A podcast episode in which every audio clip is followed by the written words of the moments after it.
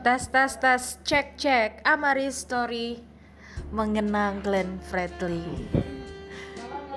Lu temen gue satu ini kayaknya nggak mengenang Glenn Fredly apa gimana sih?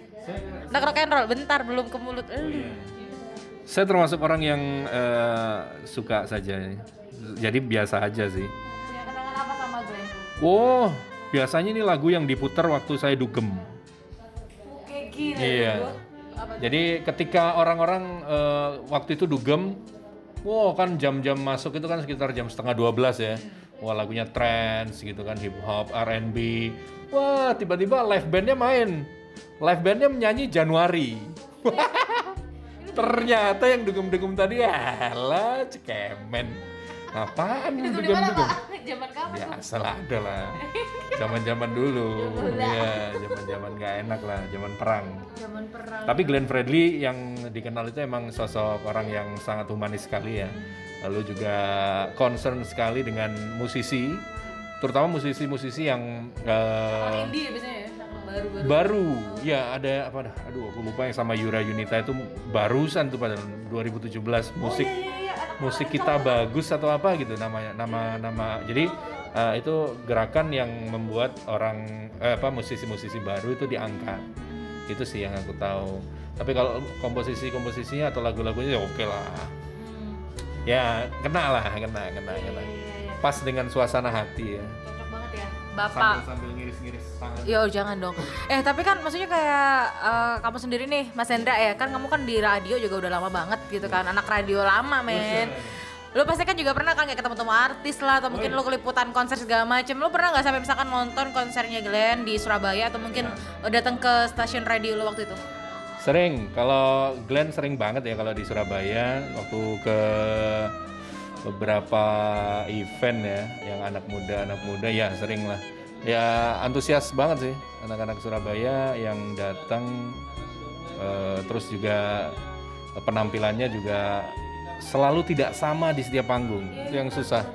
jadi aransemennya energinya selalu selalu ada. Bahkan ketika usianya udah nggak muda lagi itu juga ter- selalu ada. Dulu kalau saya kenalnya kan eh, Glenn Fredly itu awal-awal kan funk section ya Section ya. funk section masih lu habis lulus SMA eh, komposisinya terpesona dengan eh eh, ya terpesona dengan di pantai cinta itu yang membuat dia mengu- melambung namanya di pantai cinta ya ya Iya, funk section. Nah itu kemudian bi- eh, bikin solo. Nah itu mulai solo itu wah bagus nih karirnya. Selamat Pagi Dunia tuh yang paling hits banget menurut aku sih. Selamat pagi Dunia yang eh, di di ini Album dia kan. albumnya di mana namanya di eh, rel kereta api. Iya, iya, iya. Ya, Cover- covernya, covernya gini kan. Wah, ya itu nih. Itu, itu, itu langsung meledak banget namanya sih. Meledak namanya betul. Ya, well, you know lah. Kalau kan banyak yang bilang gitu kan, kayaknya Indonesia benar-benar kehilangan Iya. seorang sosok musisi gitu ya, benar-benar musisi gitu. Ibarat kata kan ini ya kalau dibilang masih muda ya masih muda gitu kan. Ya. Ya, kehilangan sekali sih inspirasi lah. Udah dimasuk masuk kategori legend lah mungkin sudah bisa. Jadi yang eh, sekarang-sekarang ini, oh kalau lihat di Instagram kan mulai yang indie ngomong, mulai yang senior juga ngomong, yang seangkatan Glenn Fredly juga udah ngomong juga banyak komen artinya ya sangat dikenal sekali ini orang. Oke, lu sendiri sebagai pekerja media gitu ya. Terus lu juga pasti ber- kita terus bersinggungan dengan lagu-lagunya almarhum Glenn Fredly gitu kan. Lu punya ada momen yang ngerasa satu lagu deh, satu lagu dari Glenn Fredly yang itu bikin seorang Hendra Huta Galung itu ini gua banget dan lagu ini tuh memorable banget buat lu. Eh, saya lupa liriknya, cuman eh, ada satu lirik yang sangat mungkin liriknya gospel banget, ya, gereja banget ya. Eh, ada, duh, sangat memberi semangat gitu untuk manusia. Yang mana? Aduh, aku lupa liriknya. Tapi yang paling kena nanti nanti kalau ada di insert ya. Gak ada insert pak. Aduh, aduh, aduh, Closing dong. aduh, Lagu itu di album apa tuh? aduh, sebentar, saya saya saya cari dulu. Tapi ini ya. 10 tahun ya. Tapi kalau kalau kemarin saya putar ya di Jazz Traffic, jangan lupa dengar Jazz Traffic ya. Oh penyiar Jazz Traffic. Oh iya, jadi Hendra Utagalung itu penyiar Jazz Trafficnya Suara Surabaya, men. Jadi kalau kalian suka sama Jazz Trafficnya Suara Surabaya, kalian setiap hari mungkin dengerin Jazz Traffic Suara Surabaya, itulah suaranya Hendra Utagalung. Ya, saya ingat eh, komposisinya itu adalah eh, kemarin tuh kita sempat putar satu jam bersama Glenn ya. Oh, ini waktu uh, Rizalnya di Ya, saya ambil Jazz Traffic. Ini gimana caranya ya? Ya, eh, pokoknya ada satu komposisi yang itu isinya sangat memberikan semangat ya untuk eh, orang.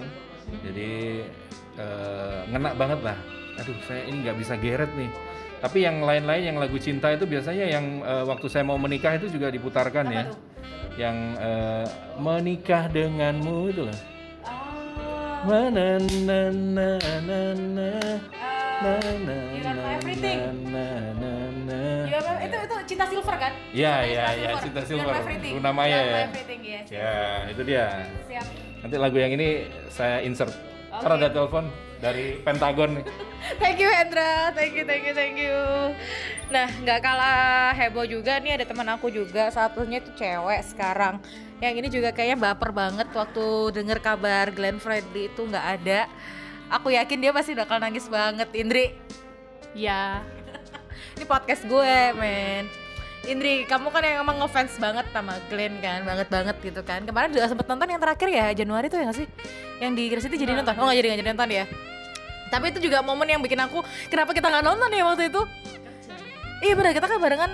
Eh aku nggak waktu itu aku ada acara juga deh kayaknya. aku kerja waktu Ya waktu kerja ya, ya ampun padahal kita ada yang gue mau nonton, gue mau nonton gitu.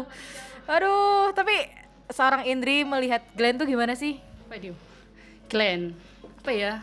Dari kecil sih suka sama Glenn. Dari kecil, dari SD kalau nggak salah. Itu denger lagu Glenn pertama kali kalau nggak salah apa ya? Terpesona apa ya? Lupa. Tapi ya, kalau nggak salah sih terpesona. Iya iya. Sama Audi ya. Itu pertama kali. Tapi itu belum cinta banget sama Glenn. Terus SMP atau SMA gitu pertama kali galau sih ceritanya. Gara-gara lagunya akhir cerita cinta. Terus setelah itu seneng saya sampai sekarang. Udah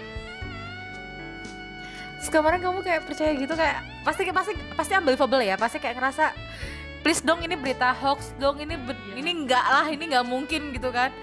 Terus tiba-tiba dengar ada kabar Glenn nggak ada gitu. Sampai dari tadi pagi sih sebenarnya. Maksudnya pas tidur terus bangun itu berharap itu cuma mimpi aja. Terus pas tadi lihat Instagram yang penuh dengan Glenn Glenn Glenn Glenn semua agak baper sih tadi pagi sempat ikut kebaktian pas penutupan juga. Oh ya online ya ha-ha, sempat online juga ngelihat ada Tompi ada teman-teman ada Mas Angga juga. Ya ikut baper sih. Eh, salah satu apa ya motivasi sih sebenarnya masuk di dunia media itu karena Glenn aslinya.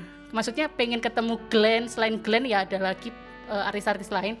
Tapi salah satunya sih Glenn. Udah udah terwujud belum. Soalnya waktu itu pernah ketemu Glenn di Sutos. Tahun berapa ya masih? Belum kerja di media sih. Itu aku ngefans banget kan rasanya ketemu Glenn.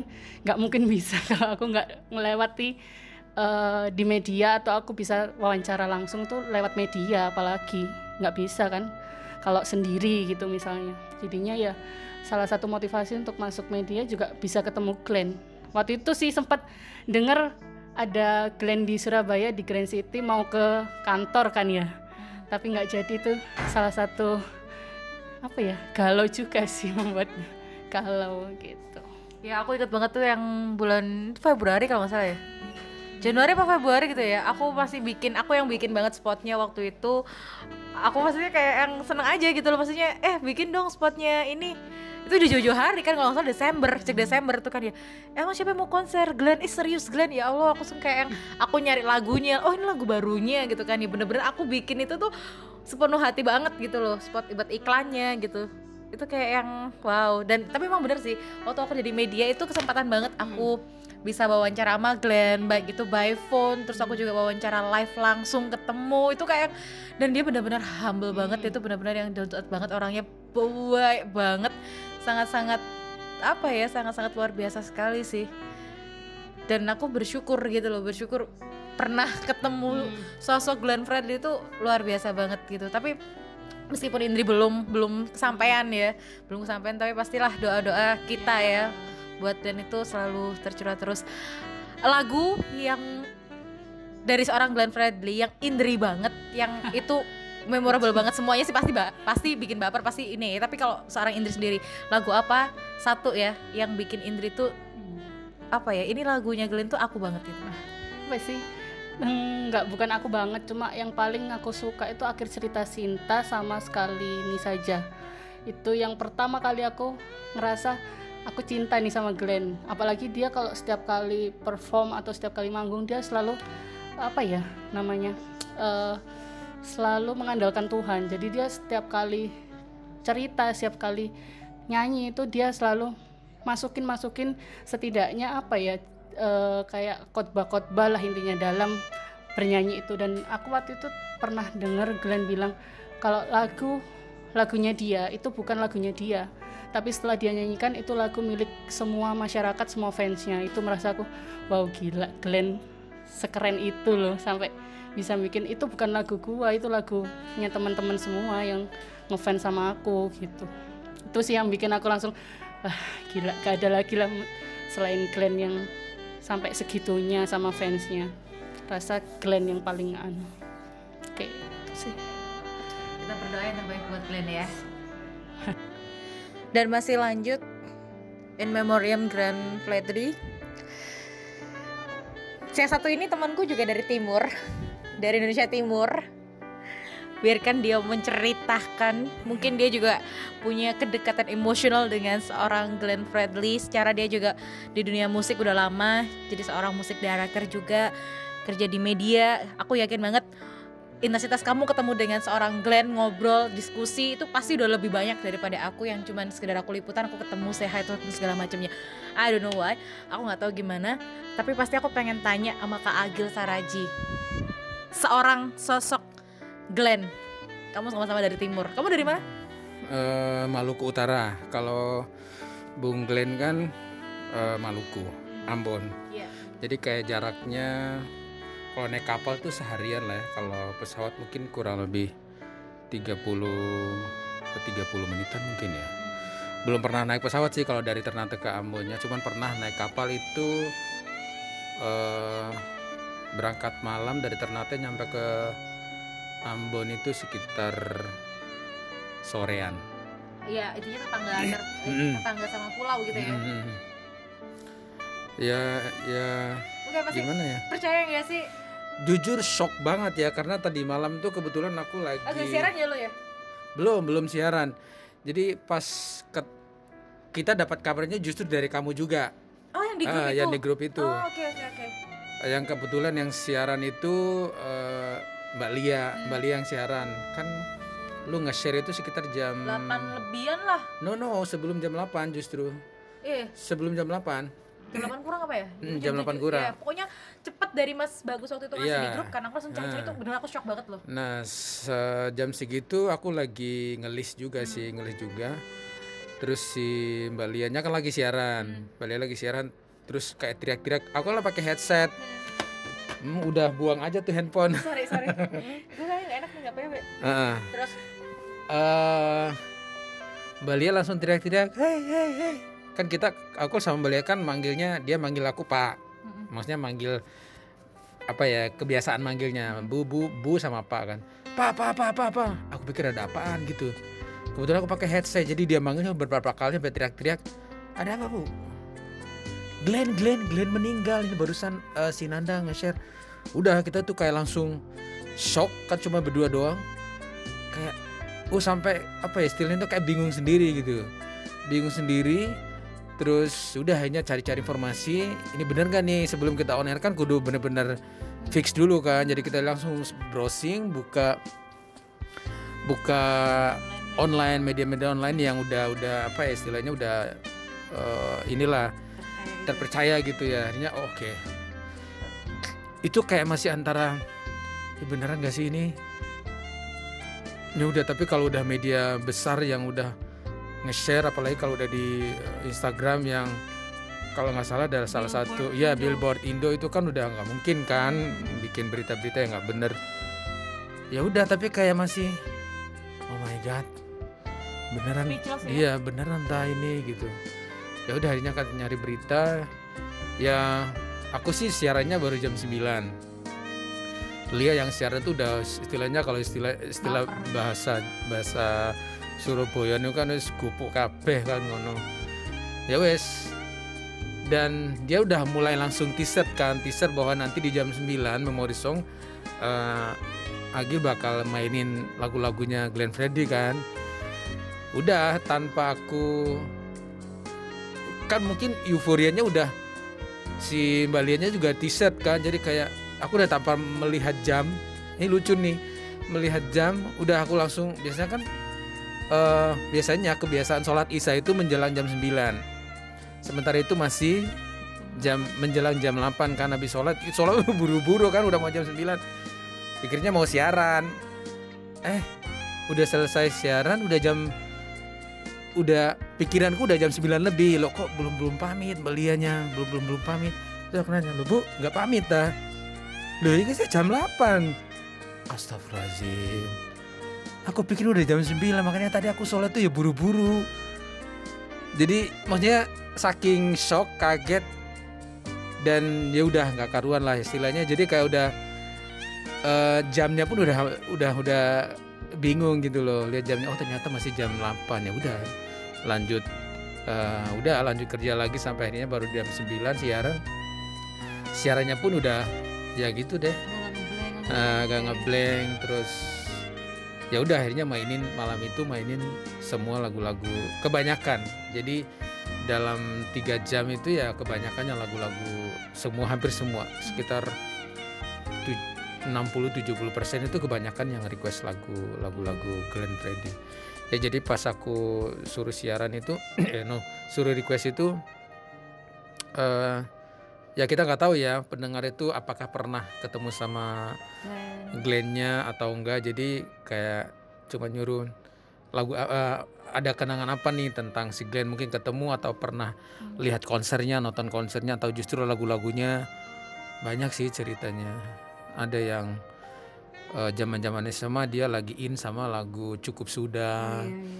Terus ada yang ada satu pendengar itu dia bilang hampir semua lagu-lagunya Glenn Fredly itu udah menceritakan eh, perjalanan hidup dan kisah asmaranya lah gitu.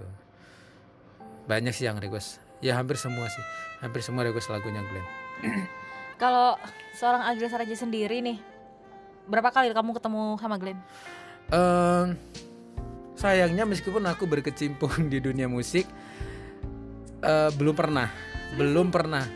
Harusnya pernah waktu di Jazz Traffic cuman waktu itu kan kita liputan kan tugas masing-masing. Jadi kayak harusnya eh sebetulnya malamnya aku lupa ya itu kalau nggak salah si Glenn kan selalu tampilnya kan di akhir terakhir dan beberapa kali dia tam- eh, perform di Jazz Traffic itu aku selalu jadwal ada siaran. Kalau enggak sekalinya aku bisa pasti aku liputan di stage yang lain. Jadi jujur belum pernah belum pernah ketemu langsung belum pernah belum pernah Wah, jadi iya kamu ya. beruntung kamu Serius, beruntung. serius aku beruntung banget. Aku merasa beruntung Belum banget ketemu sama Glenn. langsung. Ada loh momen yang aku inget banget dari humble-nya seorang Glenn itu. Jadi waktu Iya, aku di Malang, sih. waktu di Malang dia sama Baku Cakar kan. Dia tuh kalau Iya, salah mau cakar. konser kamu di tahu baku cakar itu apa nggak ngerti bahasa bahasanya bahasanya, Heeh. artinya Heeh. apa? baku cakar tuh kayak ini loh baku cakar baku cakar tuh kayak Oh iya iya iya, Heeh, I know, I kayak know, gitu tahu banget. Heeh, Aku baku pikir ada cakar. bahasa lainnya.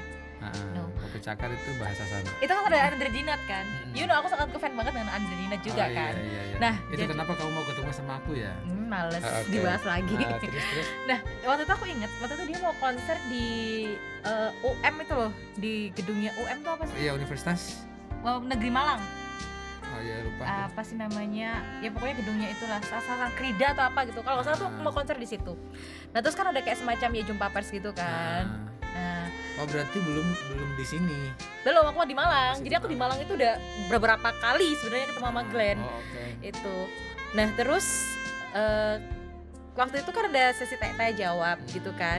Mungkin karena orang-orang lagi terpesona banget tuh sama si penampilan Glenn sama Baku Cakar dan teman-teman gitu.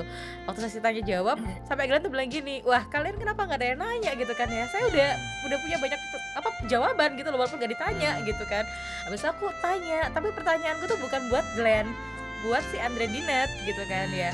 Jadi aku waktu itu ngomong gini kali ini saya nggak mau nanya sama Kak Glenn saya mau nanya sama sama Kak Andre, aku sama Kak Andre Dina, soalnya saya ngefans banget sama Andre Dina. Sampai Glenn tuh bilang gini, oh oke baik baru kali ini dalam sejarah saya konser. Saya nggak ditanya, ditanya malah apa basis saya gitu kan ya malah si Andre Dinet gitu kan ya. Hmm. udah habis itu itu tuh Terus kamu berbunga-bunga gitu. Iya, tapi itu seneng banget terus dia tuh juga nge- apa ngasih joke gitu kan dia. Hmm. Eh nggak apa-apa, kau masih single kan? Andri jadi juga lagi single gitu. Kamu mau sama dia gitu kan ya. Itu tuh kayak bercandaan, jadi Kayaknya guyonan uh, gitu hal-hal kan. kayak gitu nggak semua musisi ya. Gak mau semua musisi loh. Saking humble-nya si Glenn. Saking ambilnya bahkan sampai udah selesai kan udah selesai eh, sampai di sisi terakhir karena memang waktu itu radio gue dapat kesempatan untuk kita ngambil take voice Ah, biasa kan iya, ya kayak iya, gitu kita dapat eh, eh, liputan eksklusif kayak Ah. gitu akhirnya selesai liputan eksklusif dia tuh sampai godain lagi kamu beneran mau nggak Mandrinet dia lagi Serius? jomblo iya dia tuh masih godain kayak gitu Ah. masih bercandain kayak gitu aku ketawa ketawa kayak gitu dan itu memang guyonan yang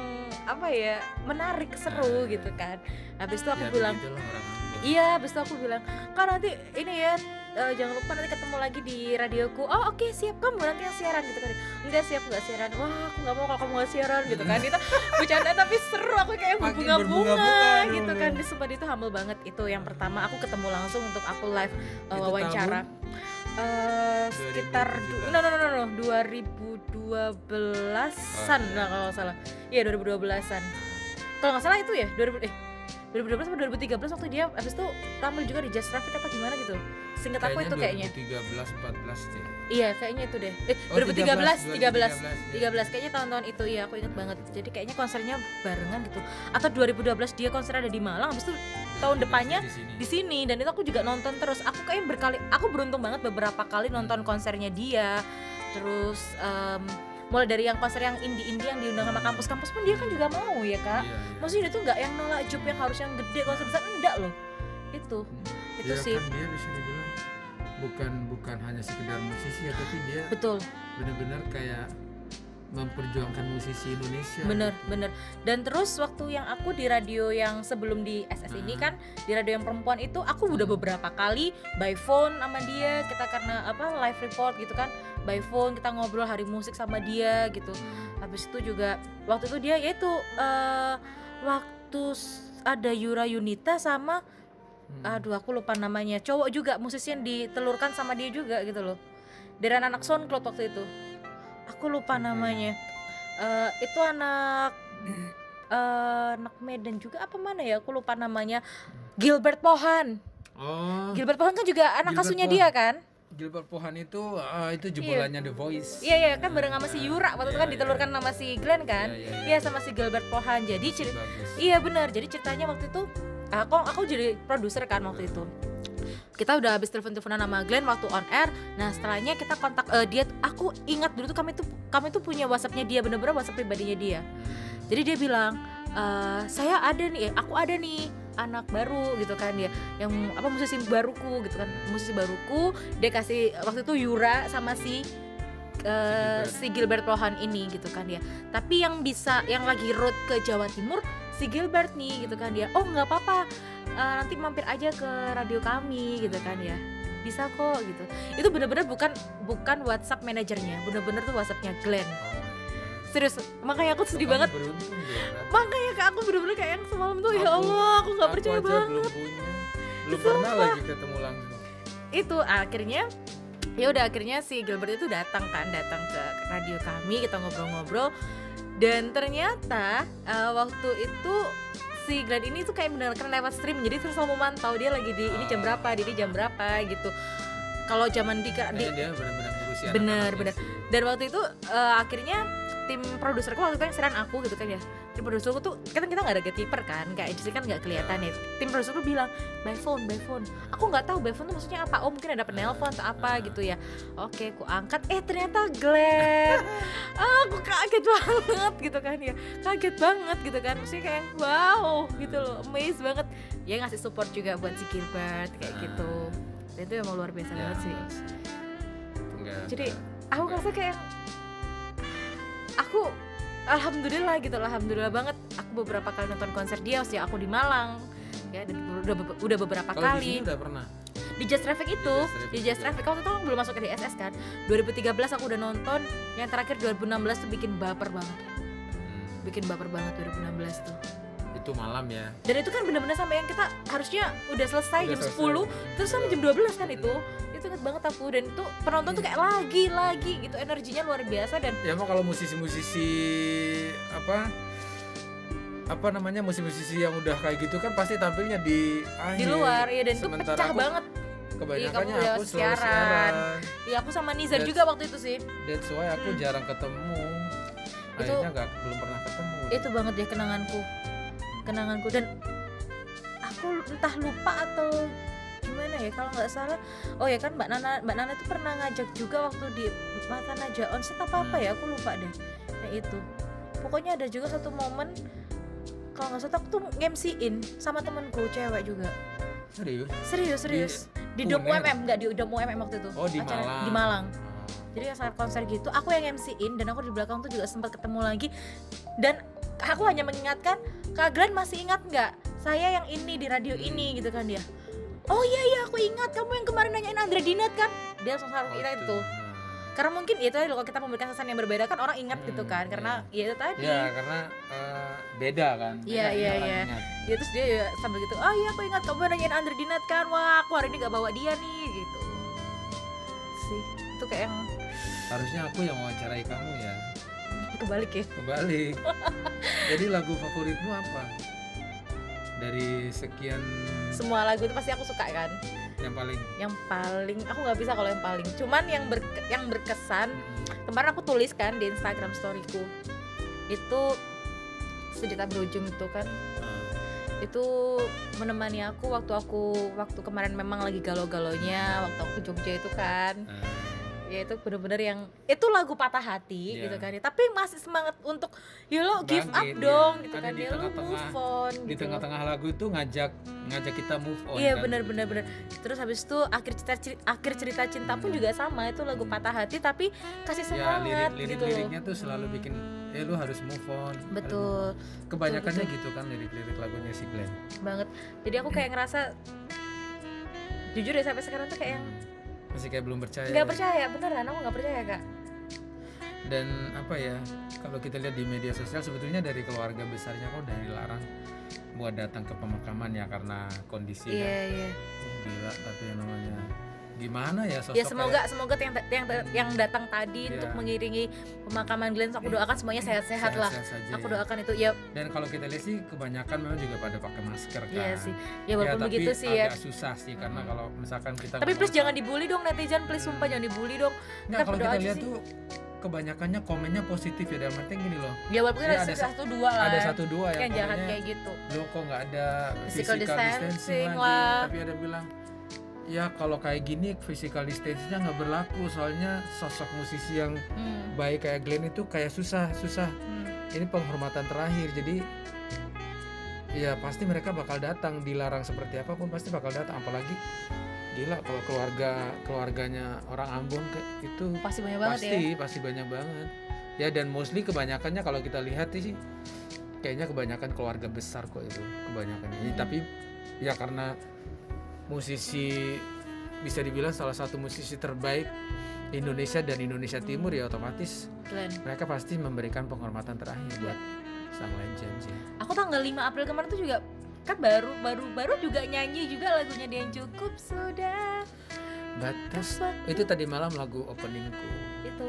Cukup sudah. Itu tahun itu aku masih SM SMA deh kayaknya SM itu kan SMP 98 98 berarti aku udah lulus lulus SMA Masih baru SD. lulus SMA masih SD baru berarti. lulus SMA tapi belum kenal sebetulnya belum belum terlalu kenal Iya dia tuh benar-benar ngehits tuh di album ketiga dia belum terlalu tahun kenal 2004 kalau aku sendirinya ya. juga belum terlalu Hmm. kenal Pert- pertama kali kenal tuh ya eh, masih di ya bukan kenal sosoknya ya Hmm. tapi kalau lagunya sudah kayak udah tahu Iya, gitu udah, kayak udah familiar gitu ah, ya kan di fan section kayak Hmm. pantai cinta terus ada lagu kasih putih tahu sih cuman Ya, sosok wak- Glenn-nya iya, yang dia ngebumnya memang di tahun Iya. 2004-an itu kan di albumnya itu aku ingat banget Hmm. itu masih aku SMP apa ya 2004 kayaknya iya benar SMP itu kan aku seneng banget dengerin radio soalnya kan Ya, lagunya iya. keputar terus masuk tangga lagu masuk di chart kayak gitu Mm-mm. kan chart Indo gitu terus dulu di MTV dia juga sering diputar gitu Bener. kan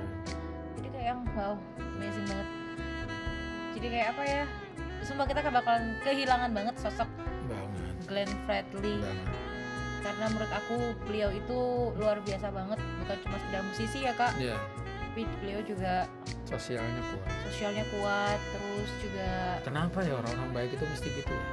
Ya karena Tuhan sayang sama orang-orang baik. Emangnya kayak lu kayak gua. Ya kan dosa kita. Kan berarti lama matinya ah sobrol aja nggak boleh meninggalin ya semoga lah. Bung Gleng tenang Hmm. di sisi Tuhan terus Hmm. istri dan juga anaknya diberikan kekuatan ya. Amin amin amin. Mutia sama Gewa. Gila. Perjalanan hidupnya memang panjang ya kisah cinta. Iya kita cintanya dan menurut aku nih Nah, kayak relationship goalsnya dia nah, tapi ternyata Tuhan lebih sayang sama dia gitu loh kan dia sempet setelah dia dan- sama Dewi Sandra kan lama banget tuh kan dan finally ya bisa dibilang apa ya hadirnya seorang putri itu luar biasa ya Iya. maksudnya. Ya even mungkin ya pasti ada waktu yang akan Hmm, menceritakan hmm, ke putrinya kan. iya iya betul Kan sih. sekarang kan masih kecil aku 4 waktu bulan ya? iya 40 hari 40 hari ya. 40 hari Gewa Hmm. jadi kemarin waktu pas ada kabar Glenn married gitu kan ya aku kayak wah serius Hmm. Iya gitu kan sih, ya. itu juga Maksudnya kejutan sih. perempuan Ah. perempuan mana yang berhasil Mana? menaklukkan Ah, Glenn ah, gitu kan setelah kemarin kan setelah dari Dewi Dan aku di itu luar kan banyak banget ekspektasi sih sebetulnya. serius Ekspektasi Sumpah. ketemu sama siapa namanya? Mutia Ayu Mutia Ayu. Hmm. Itu di luar ekspektasi banget dan beda sih. 20 tahun juga men Heeh. kita beda berapa tahun? Enggak satu, dua, dua Wah tahun, hajar lu ntar dua tahun, 20 tahun juga ya kita ya Mm-mm. dua tahun.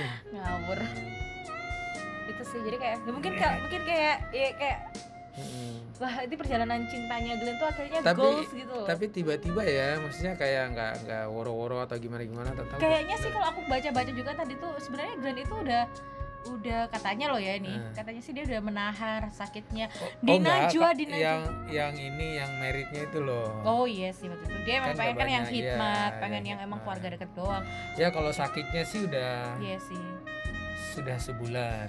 Tuh Udah kan di. Najwa kan bilang kan Iya. dari aku udah tuh. sebulanan cuman eh ya udah harinya kan udah ketahuan kan. Mhm. terus kok pas hari minggu ya hari minggu sabtu ya? Nah itu. Ya Allah bener deh, aku kayaknya di radioku yang lama itu bener-bener memori yang banget yang aku eh, banyak ketemu sama Glenn banget. Luar biasa, ya begitulah sangat-sangat humble sekali. Bahkan waktu aku yang di Jazz Traffic itu kan aku masih dari radio tetangga tuh ya. Mm-mm. Aku liputan, Heeh. ketemu beliau pun meskipun dia udah selesai ini Tapi masih sangat Tetap. semangat untuk menjawab semua pertanyaan. Kita mintain voice, kita mintain ini, dia tuh masih semangat banget gitu loh. Kayak gak ada capek-capeknya gitu. Hmm, selalu senyum ya. Selalu senyum, ampun manis sih. Ampun manis. Manis sih. Kayak aku kan manis sih. Manis gula batu ya. Hmm.